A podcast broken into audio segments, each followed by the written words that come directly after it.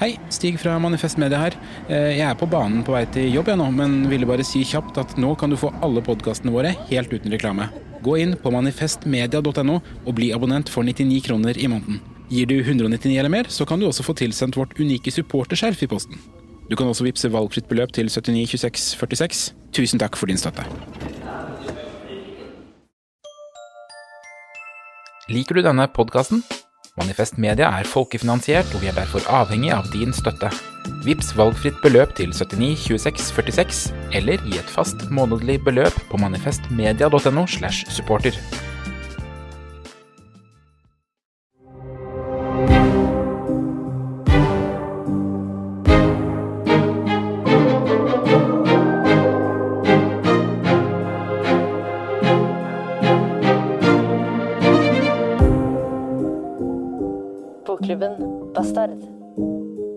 Da følte jeg at jeg på en måte knakk en kode. Jeg bare følte meg helt utrolig fri Ja. i skrivinga.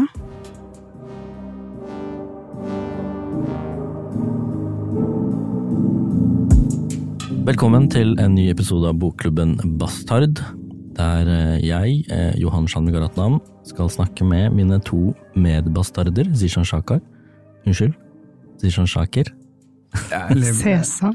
Sesam Krekar, Sesam Krekar. eh, og Maria Navarro Skaranger om eh, bøker vi leser. Eh, først så tenkte jeg å høre åssen det går med dere. Det går fint. Maria, du har vært i utdrikningslag for første gang i livet. Mm, I helga. Det var veldig, veldig morsomt. Var det, var det oppbyggelig? Var det noen skandaler? Var det noen som ble skadd? Det var ingen som ble skadd, det var ingen skandaler. Eh, det var veldig mye sol, det var ingen som ble helt sykt solbrente. Fordi- Det var nok mat og drikke. Og jeg tror bruden ble drikket ut, som jeg skjønte var liksom poenget med utdrikningslaget. Det er hele poenget. Eh, og jeg har jo vært i noen utdrikningslag i min eh, gjeng fra Ås. Mhm. Um, og jeg forbinder jo de utdrikningslagene mest med smerte og ydmykelse og, og tragedie. Det er liksom Man skal ikke drikkes ut, man skal um, ødelegges, omtrent. Ja, for man skal gjøre masse ting. ja, sånn ja, og man Stå er på en kasse og synge og sånt. Man er utsatt, og man er sårbar, og, og, det er, helt, er en sånn prosess som på en måte eh, minner om å liksom bli, eh, bli, bli bygd ned, eh, og så komme ut på andre siden som et eh, sterkere eh, menneske. Og det, det er en sånn, sånn renselsesprosess som, eh, som vi skal snakke mer om etterpå. Mm. I forrige episode så snakka Maria om at eh, det er en av oss tre som aldri har lest Vigdis Hjorth. Og, nå skal vi avsløre hvem, hvem det er. Ja, det er meg, da. Jeg skammer meg ingenting over det, egentlig. Det er jo ikke alt man får lest, liksom. Men, eh, men eh, Eller skam Nei, skammer jeg ikke, men jeg burde nok ha gjort det. Hun er jo liksom en av de store samtidsforfatterne våre, da. Uten at jeg har en sånn liste klar. Men Mm. hun, er, hun ville jo vært på en sånn liste hvis du skulle nevnt liksom de fire-fem største Mm. norske samtidsforfatterne. Definitivt. Og du har, men nå har du lest en bok av henne. Jeg Nå har jeg lest, sammen med dere, har jeg lest Leve posthornet. Mhm. Og Leve posthornet kom i 2012. Um, og den Jeg vet ikke hvilken bok i rekka det var av det hun har utgitt, altså, men det var vel et lite stykke ute i hvert fall. Det er en del år siden den kom ut, men nå har jeg lest meg litt opp på den. Jeg har lest boka. Den fikk Kritikerprisen, tror jeg, den kom. 2012. Um, men den boka handler, altså kort fortalt, da, så handler det om Elinor. Hun er kommunikasjonsrådgiver, og hun er vel sånn, jeg tror ikke alderen blir sagt spesifikt, men hun er vel sånn midten av 30-åra, eller sånn? Jeg tror hun er 35. Ja, Mm, ikke sant. Og hun driver et kommunikasjonsbyrå sammen med to kollegaer, og tidlig i boka så leser Elinor et utdrag av sin egen dagbok fra en del Mm. år siden. Og så finner hun ut at hun stilte seg omtrent de samme spørsmålene da som det hun gjør nå. Litt sånn eksistensielle spørsmål. Hva Mm. vil du med livet-spørsmål. Og da får hun jo på en måte en slags sånn ja, hva er jeg, og hvor er jeg på vei? Mm. eh, følelse, og samtidig tar den ene av kollegaene også livet sitt. Og Elinor slenges da ut i en eksistensiell eh, hva skal du kalle det, en vakuum, en meningsløshet. Hun er fremmedgjort fra alt og alle, fra jobb og kjæreste, familie, hun trenger liksom noe å kjempe for. og det finner hun i EUs postdirektiv. Um, EUs tredje postdirektiv. nettopp, Som som da regulerer vel all post som veier mindre enn 50 gram. Ja, det er liberalisering av eh, Ja, uh, altså post som er under 50 gram. Brev. Brev, ja. Mm. Ja. Og det er jo um, Det er jo som EU-direktiv flest, at Norge får de tredd over huet sitt, og så har Norge en mulighet til å ja, legge ned veto, da, for å si det enkelt politisk, men det har vi strengt tatt nesten aldri gjort. Eller vi har vel aldri gjort det, så vidt jeg vet. Vi har ikke gjort det. Vi har ikke gjort det, og det blir jo diskutert ofte, da. Sånn at hun, hennes kommunikasjonsbyrå, jobber da for noe som heter Postkom. Og Postkom er foreninga for de postansatte, altså en fagforening. Mm. de skal hjelpe Postkom å stoppe dette EUs postdirektiv. Og gjennom det så finner hun en mening etter hvert. Eh, jeg vet ikke, skal jeg spoile hvordan det slutter? Ja, men vi kan gå, Nei, vi kan gå dit litt seinere. La oss dvele litt ved hun Ellinor, da. Ja. Siden hun er hovedpersonen. Eh, og, du sier jo at eh, hun er i en krise. Hun har liksom vært i samme sporet i, så lenge hun kunne huske. Eh, veldig meningsløs tilværelse. Og hvordan kommer det til uttrykk i boka? Nei, altså, jeg leser jo det kanskje i første I første rekke gjennom hvordan boka er skrevet òg, da. Mm. Altså, den er, det er veldig Det er ganske sånn korte, kjappe setninger, det er Det går ganske fort. Det er en sånn Det er en eller annen distanse i henne, da, til alle. På en måte alle eh, til søsteren og kjæresten og alle. Um, man blir, hun blir, i hvert fall i starten av boka, første halvdelen, da, så er man i veldig liten grad sånn at man blir i en scene. Man bare hopper veldig fort, og så skjedde det, og så skjedde det, og så skjedde det, og så tenkte hun sånn, og så tenkte hun sånn, og det skaper jo en sånn, i hvert fall når jeg leste, så skaper det en sånn distanse som jeg tror er villet. Mm. Um, men det skaper også litt distanse hos meg som leser til både Ellinor og de folka hun omgir seg med. Ja, jeg skjønner hva du mener. Det går jo veldig Det går jo fort. Det er jo liksom korte scener og Men det er jo veldig sånn flytende og elegant. Jeg, jeg syns jo den sjongleringa er sånn Jeg, jeg syns det er veldig, veldig, veldig presist. Og, Mm. og på en måte kunne bare drømt om å skrive på den samme måten. Mm. du bare hopper videre. Det er vanskelig. Det er vanskelig, ja. Ehm, og så og så er det for eksempel sånn Første setning i boka er da jeg skulle sette de gamle grytene som ikke fungerte på den nye induksjonsovnen i kjellerboden, kom jeg over dagboken min fra 2000. Så liksom Hun er hun er i, i, i mørket, eller i liksom gråsonen, eller i Mhm. krisen allerede da, og så kommer hun over dagboka. Det, Ja. liksom, det minner om sånn derre Dante. Liksom, Sånn, jeg gikk i en mørk skog, og så ramla jeg ned i særskilden. Jeg husker ikke hvordan det åpner, men, eh, men jeg syns hun, hun er veldig elegant. Men det er jo kjølig, og setningene er korte, og, og, og, og man blir på en måte Hvem er Ellinor, da? Hun er en dame som jobber i et kommunikasjonsbyrå i midten av 30-åra. Hun har en mor og en søster, og, og mødre og søstre er jo ofte skikkelser som finnes i mange av bøkene til Vigdis Hjorth.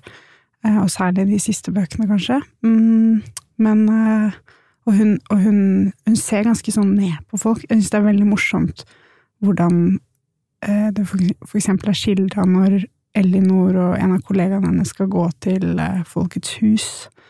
For da liksom begynner de å bevege seg over i liksom den stygge siden av Oslo.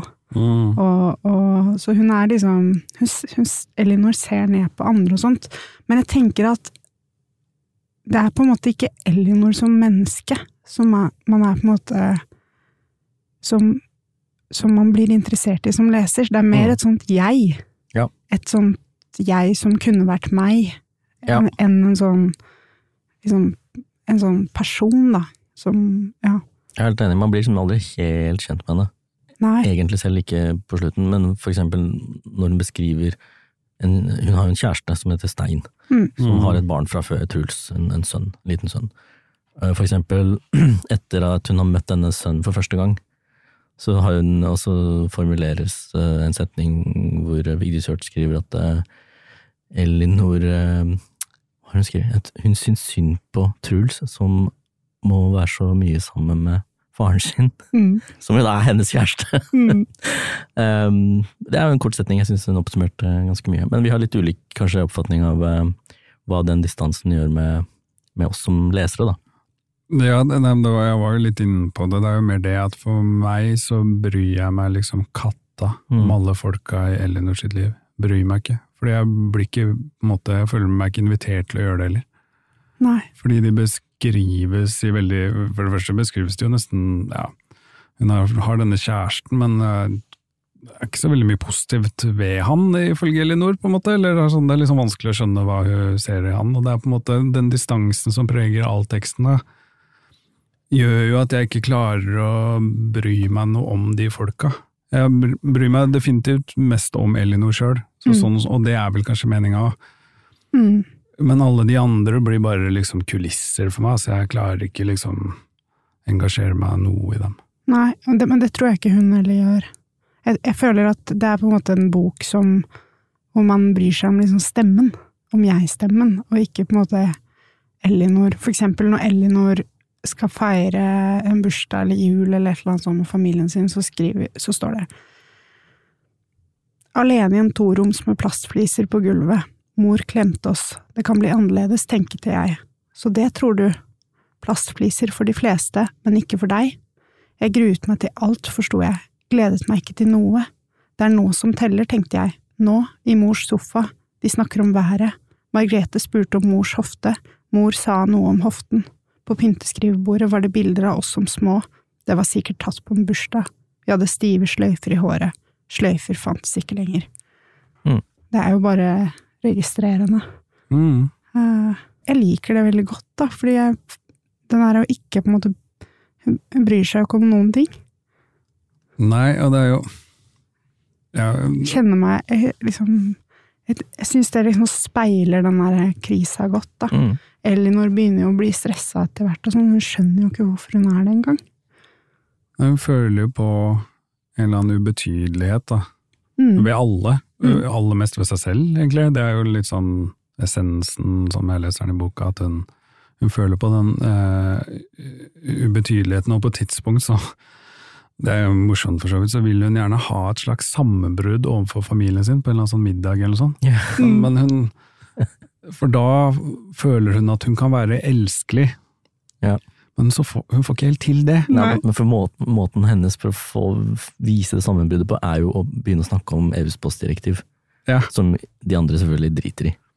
Og så når ikke de reagerer, så, så gir hun litt opp, på en måte. Men så tenker hun et par steder noe, og det syns jeg er jævlig interessant, egentlig, for hun tenker da, mener jeg, eller kanskje hun sier det også noen steder i boka, at hun sier type liksom fortvilelsen Elinor føler på er så mye større enn det banale livet hennes.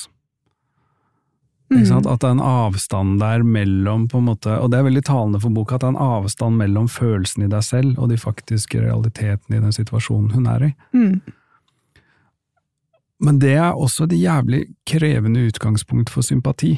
Mm. Jeg sliter da med sympati med en gang, ikke sant, og da havner du fort i en sånn derre Faen, der er jo ilandsproblemer, liksom. Da kommer du i den der, da, fort. At liksom, jo da, jeg skjønner den følelsen i Eleonor, jeg skjønner den tomheten, men jeg veit ikke, jeg kanskje liksom sliter litt med sympatien for karakteren, for hun har jo jævlig mye ting på gang, liksom. Mm. En karakter som jeg fikk litt sympati med, men som jo egentlig ikke er med, eh, fordi hele romanen starter med at han forsvinner, det er jo da den kollegaen Dag. Eh, og jeg, jeg ble veldig nysgjerrig på Dag, da, som bare plutselig stikker av fra jobben. Og han har eh, eh, Det skjer ganske tidlig. Eh, romanen er veldig effektiv sånn handlingsmessig. På siden, allerede om side ti så har liksom eh, Så kommer liksom et vendepunkt. Og det er da hun, eller de, hun og kollegaen Rolf finner da en lapp som denne Dag har skrevet. Eh, har du lyst til å lese, Maria? Ja. Det er da Elinor har kommet inn på kontoret til Rolf? Rolf. Han lukket døra bak oss og sa at Dag var dratt, rakte meg et ark med Dags karakteristiske håndskrift. Hei, Rolf. Gidder ikke mer. Ta båten og seile bort på ubestemt tid. Kommer kanskje tilbake til landet. Ikke til Kraftkom. Gir opp kommunikasjonsrådgivergreia. Skulle aldri begynt. Fortell den fleksible bollemuskompanjongen vår. Jeg synes det lukter fitte av alt hun produserer. Har slettet alt på maskinen, så den er klar for neste uheldige mann. Dag. Ja. Det er på en måte det som sparker i gang eh, Eh, Standard oppsigelse, det er det ikke det? Ja. Den er morsom, da.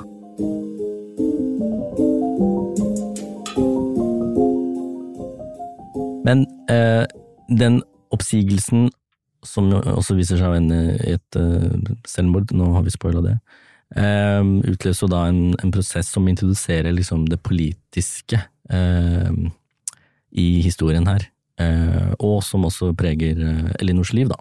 Det er at hun får ansvaret for å hjelpe eh, de, eh, altså Postkom, fagforeninga til de postansatte, i å prøve å få Arbeiderpartiets landsmøte til å ja, gå for et eh, vedtak eh, som er mot EUs postdirektiv. Fordi, og det direktivet innebærer at eh, fri konkurranse på, på post, altså på brev, da.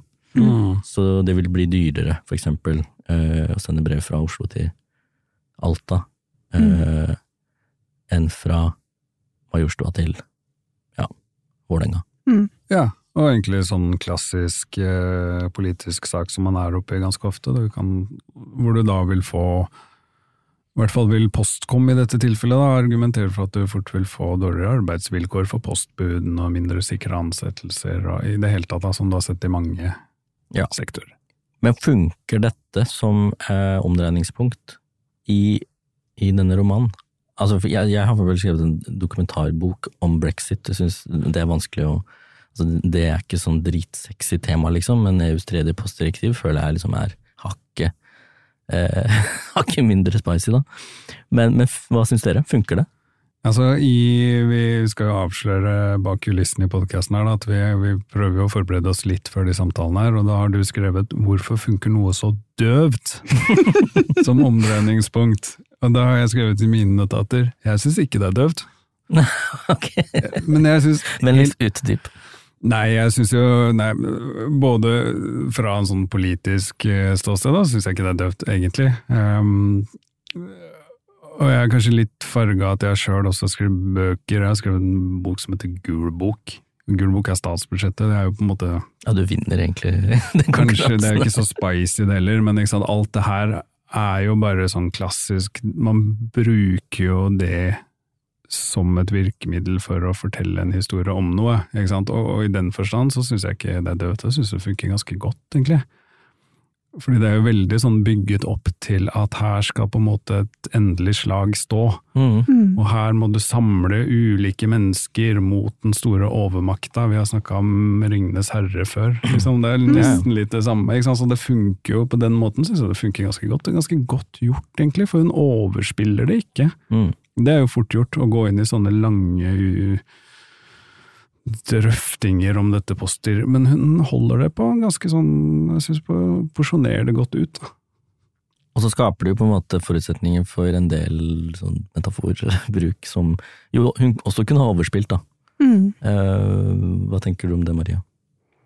Ja, jeg også syns det fungerer veldig godt. Uh, og jeg, jeg skulle ønske at jeg på en måte kunne skrive At jeg liksom kunne få handlingen i en av bøkene mine til å liksom kretse rundt Nav, eller et eller annet sånt, og kunne brukt la oss si Nav-skandalen til Mm. noe litterært, da, for det er det jeg liksom føler at hun gjør. At hun eh, Postdirektivet blir på en måte det som det setter i gang alt, men det blir også løsningen hennes, eller sånn. Og så, og så synes jeg også at det ikke bare Det er ikke bare liksom eh, politikken og liksom innføringen av postdirektivet som noe sånn politisk, men det er også den derre Jeg føler at hun derre Elinor, hun hun liksom ser verdien av disse brevene. Mm. Og hvor liksom At det er noe sånn solid og flott i vårt samfunn. Ja. Eh, og, og, og at det liksom er noe i seg selv, da.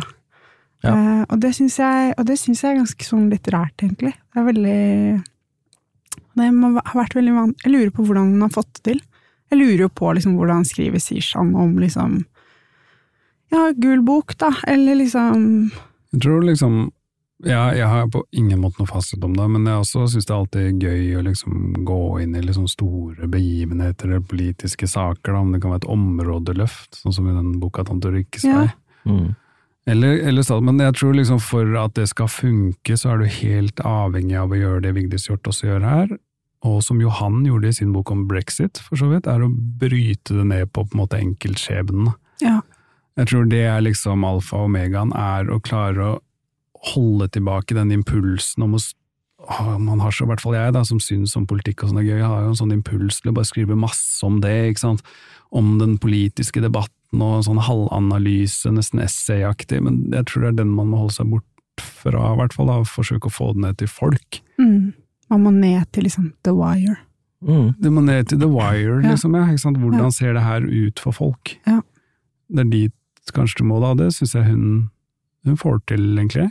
Jeg syns også hun får til det. Jeg tenkte sånn Jeg, jeg liker jo denne boka, Vigdis Hjorth X. Jeg tror liksom at dette er min favoritt-Vigdis Hjorth-bok. Mm. Det er både sånn språklig, at jeg syns hun skriver veldig bra og sånn, men så syns jeg den minner meg også litt om Dag Solstad. Dag Solstad bruker jo også mye, liksom Eller Dag Solstad og sosialdemokratiet er jo på en måte en egen episode i seg selv, men eh, men den derre sorgen over at uh, sosialdemokratiet faller sammen, da, som jeg føler litt denne boka her også handler om, og at det er noe sånn emosjonelt der. Ja, Og det, de emosjonelle tingene Ja. eh, eh, kommer jo liksom til uttrykk på forskjellige måter, og hun, noen ganger så bruker hun denne brev, eller posten, som metafor. Eh, hun, Elinor drar jo da til Frankrike på et eller annet tidspunkt, og så kjøper hun et postkort, og så tror man at hun skal sende det postkortet til han kjæresten, da. Men hun sender det jo til seg selv. Sånn at når hun kommer hjem, så, så på et eller annet tidspunkt så får hun et postkort som hun har skrevet til seg selv fra Paris. Mm. Men hun oppdager jo da at uh, denne kjæresten, Stein, uh, som en gang hun er hjemme hos han, uh, finner, finner et brev på, i leiligheten sin, og så ser hun at han bare tar den inn i lomma og gjemmer den for henne. Og så tror hun at det er et eller annet, noen hemmeligheter han skjuler, da. Men det viser seg jo da at eh, han også sender brev til seg selv, Mm. uh, som en sånn der øvelse.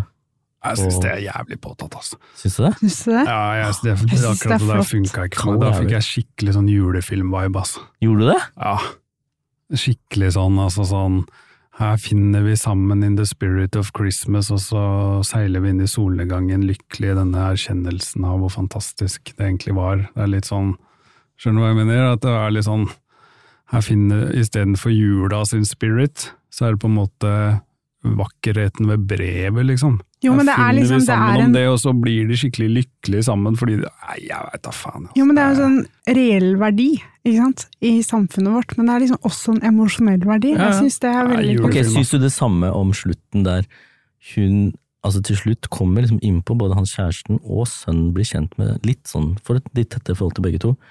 Eh, og så får hun da et brev fra denne Truls, da, sønnen til kjæresten, hvor han takker for en uh, bursdagsgave, som er da en bok om postmann Pat. Og så skriver han at han skal bli postmann. Syns syns du det også er syns det er tungt på labben. ja, Er det ikke det det heter? Vi er forskjellige, altså. Ja, vi er det. For du syns ikke det. Nei, Maria? jeg syns, jeg syns ikke det, nei. Jeg, jeg, men, jeg, men jeg skjønner hva du mener. Ofte når jeg skriver, så kan jeg finne på sånne ting selv, og så ser jeg at faen, der gikk du for langt. Du ser for deg Zishan Sishan leser det og sier sånn 'Å, fy faen'. Ja, det er akkurat det jeg ser for meg. Nei, men jeg tror sånn, nå har vi jo Jeg vet ikke, Johan, skal vi spoile slutten eller ikke? Men det er jo, jeg syns jo hele oppbygninga her blir gjort på en mye, mye smartere og kløktigere måte, for, for så vidt. Altså enn de der julefilmene som du ser på TV klokka åtte på, i romjula, på en måte. Men det er jo litt samme oppbygging. ikke sant? Her er man i mørket, og så kjemper man mot, en, mot et eller annet, og så finner man noe i seg selv. Mm. Og så seiler man lykkelig ned den jævla solnedgangen.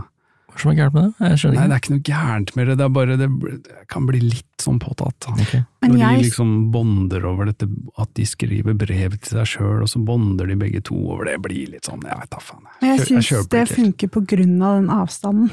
For det er såpass liksom kjølig og, og såpass mye avstand at uh, man Ja. Ok, vi har alle tre lest denne boka, og så er vi åpenbart ikke helt enige, da. Eh, kanskje Maria, du kan lese et eh, lite utdrag til? Ja, utdraget jeg skal lese nå er da siste side i boka, så den som ikke vil vite slutten, den må hoppe 30 sekunder fram. Ok. Da morgendagen rant som forventet, kjøpte jeg dagbok og små kremfargede kort fra Alvøen. Skrev til Rudolf Karena Hansen og gratulerte med seieren. Skrev til Rolf og takket for det gode samarbeidet, ville skrive og skrive og takke og takke da jeg hørte postmannen i oppgangen. Ventet spent ved døra til han var ute og løp ned med nøkkelen. Det pleide ikke å ligge noe der, men man kan aldri vite. Bak telefonregningen lå en konvolutt med navnet mitt skrevet med skjeve blokkbokstaver, som av et barn. Jeg gikk opp før jeg åpnet det. Det var fra Truls.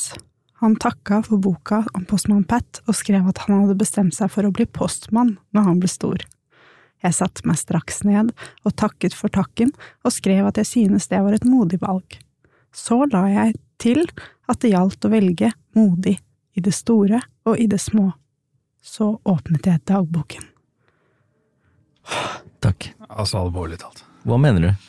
Nei, jeg syns det blir altfor uh, Det er så tungt på labben. Og plutselig vil han gutten bli postmann. Hvorfor vil han plutselig bli postmann? Fordi hun har gitt han en bok om om Postmann Pat? Og det, nei, det blir for mye postsymbolikk her på en gang. Altså. Det blir uh, Jeg syns det, det Nei, det var ikke min favorittdel av boka.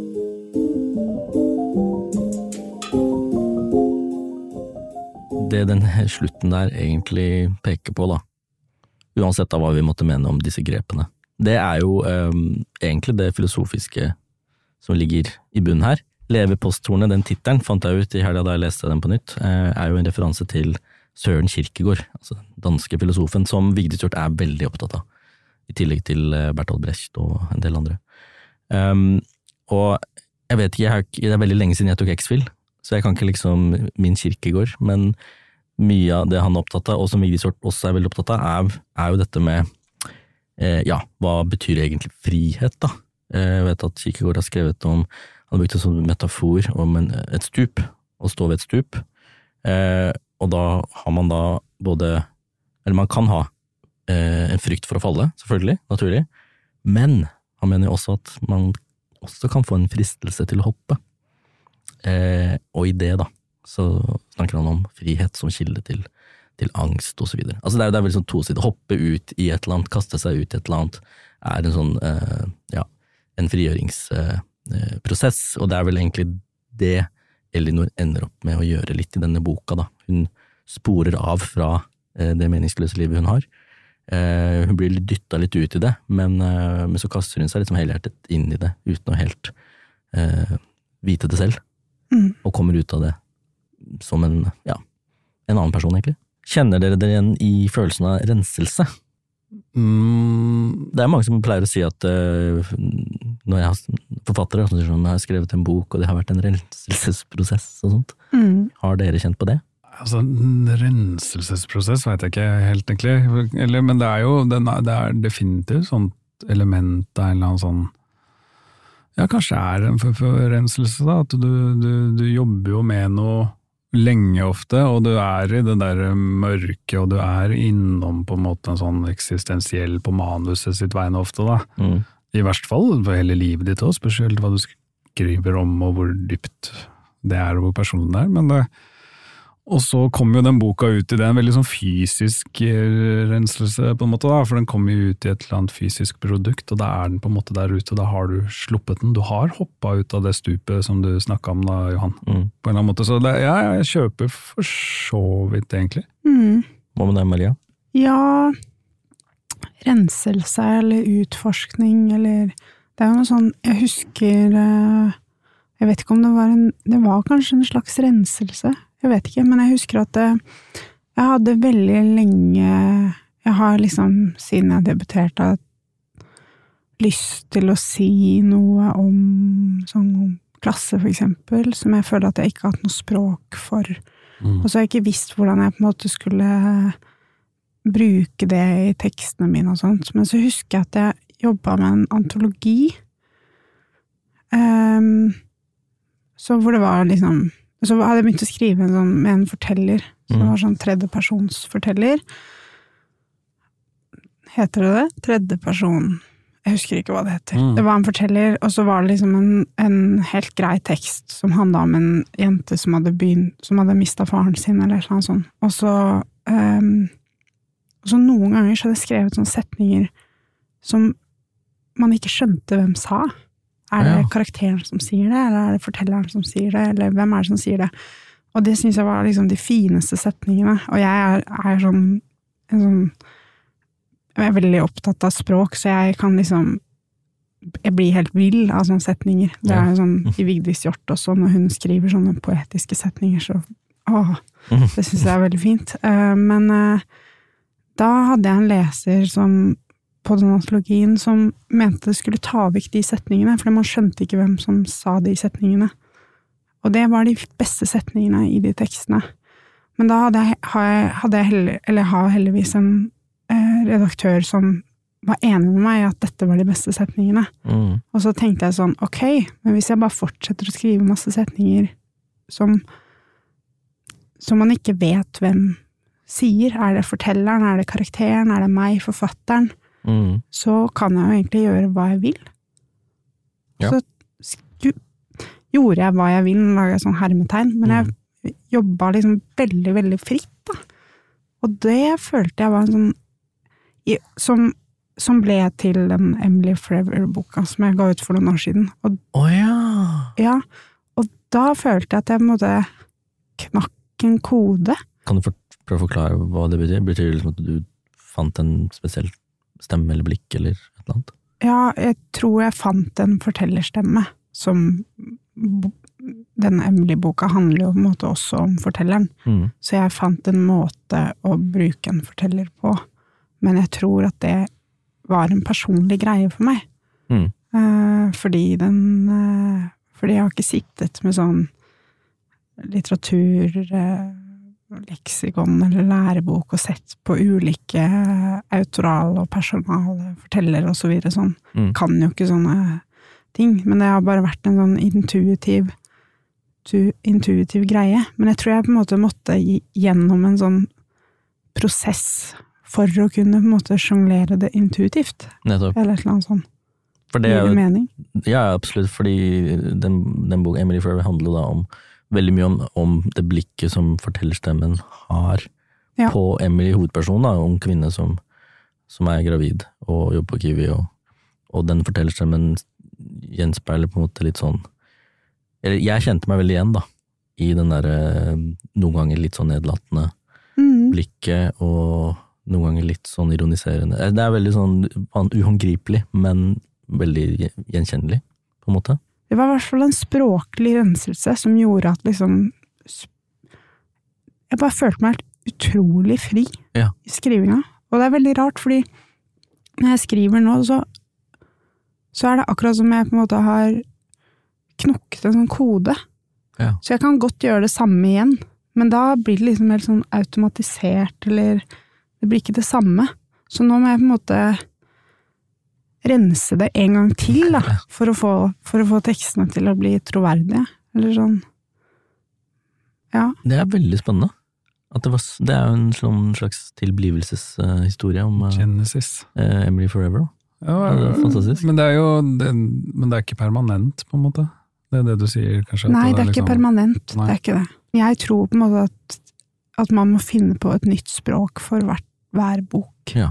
At man må på en måte lage et språk som passer til liksom det, det som tonen i boka, karakteren og alt mulig rart. Men eh, For det er jo en tanke jeg satt igjen med, med den boka, da, med leverposthornet, er jo at uh, hun finner jo denne renselsen eller sånn, men hvor lenge varer det egentlig? ja. Og så tenkte jeg på mitt eget liv på sånne ting, og jeg føler liksom, jeg vet ikke med dere, men det er jo, jeg føler jeg veldig ofte har gått gjennom sånne at livet mitt er veldig sånn periodisk. At jeg kan veldig lett kategorisere perioder på og gjerne opp mot noen år. Mm. Og de periodene på en måte som er de, kall det de gode periodene. Da skjer det veldig mye, liksom. Og så går det, svinger det litt sånn ned igjen, og så er det litt sånn tyngre ting. og så kom, altså Jeg kan veldig lett liksom periodisere det, og så ser jeg ofte ikke når jeg er i de ulike fasene før sånn i etterkant. Mm. Skjønner du Ja, ja, ja. hva jeg mener? Definitivt. Mm. At det, det går litt sånn man, man har ikke én sånn Én sånn renselsesprosess. Den er ganske sånn gjentagende. Mm. Man har liksom mange av det, da. Nettopp. Så da må vi jo finne et nytt postdirektiv, da. Hun Elinor. Mm. Ja.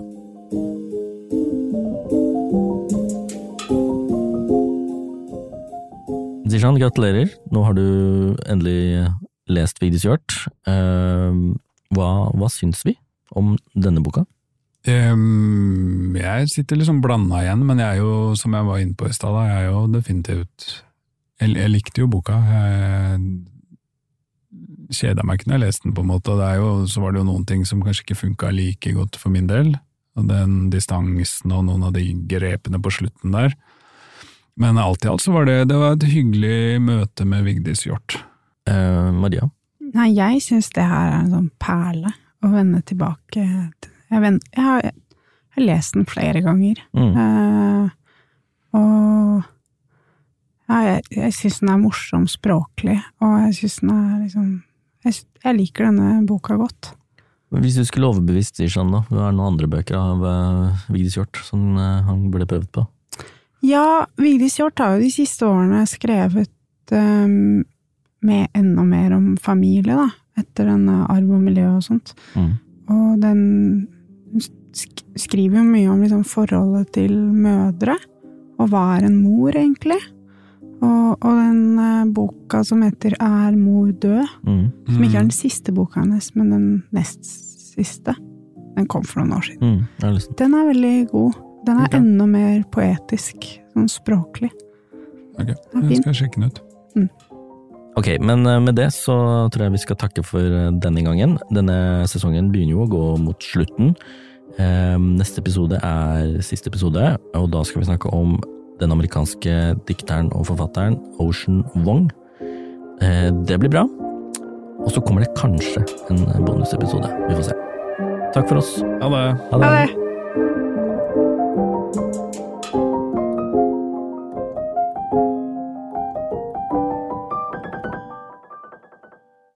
Du har hørt en podkast fra Manifest Media. Sjekk ut flere program der du henter podkast, eller via manifestmedia.no.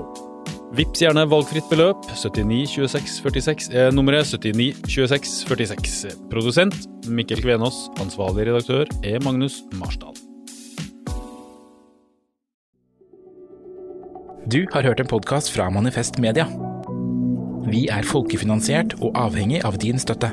Gå inn på manifestmedia.no og bli supporter, eller vips valgfritt beløp til 79 26 46. Ansvarlig redaktør er Magnus Marsdal.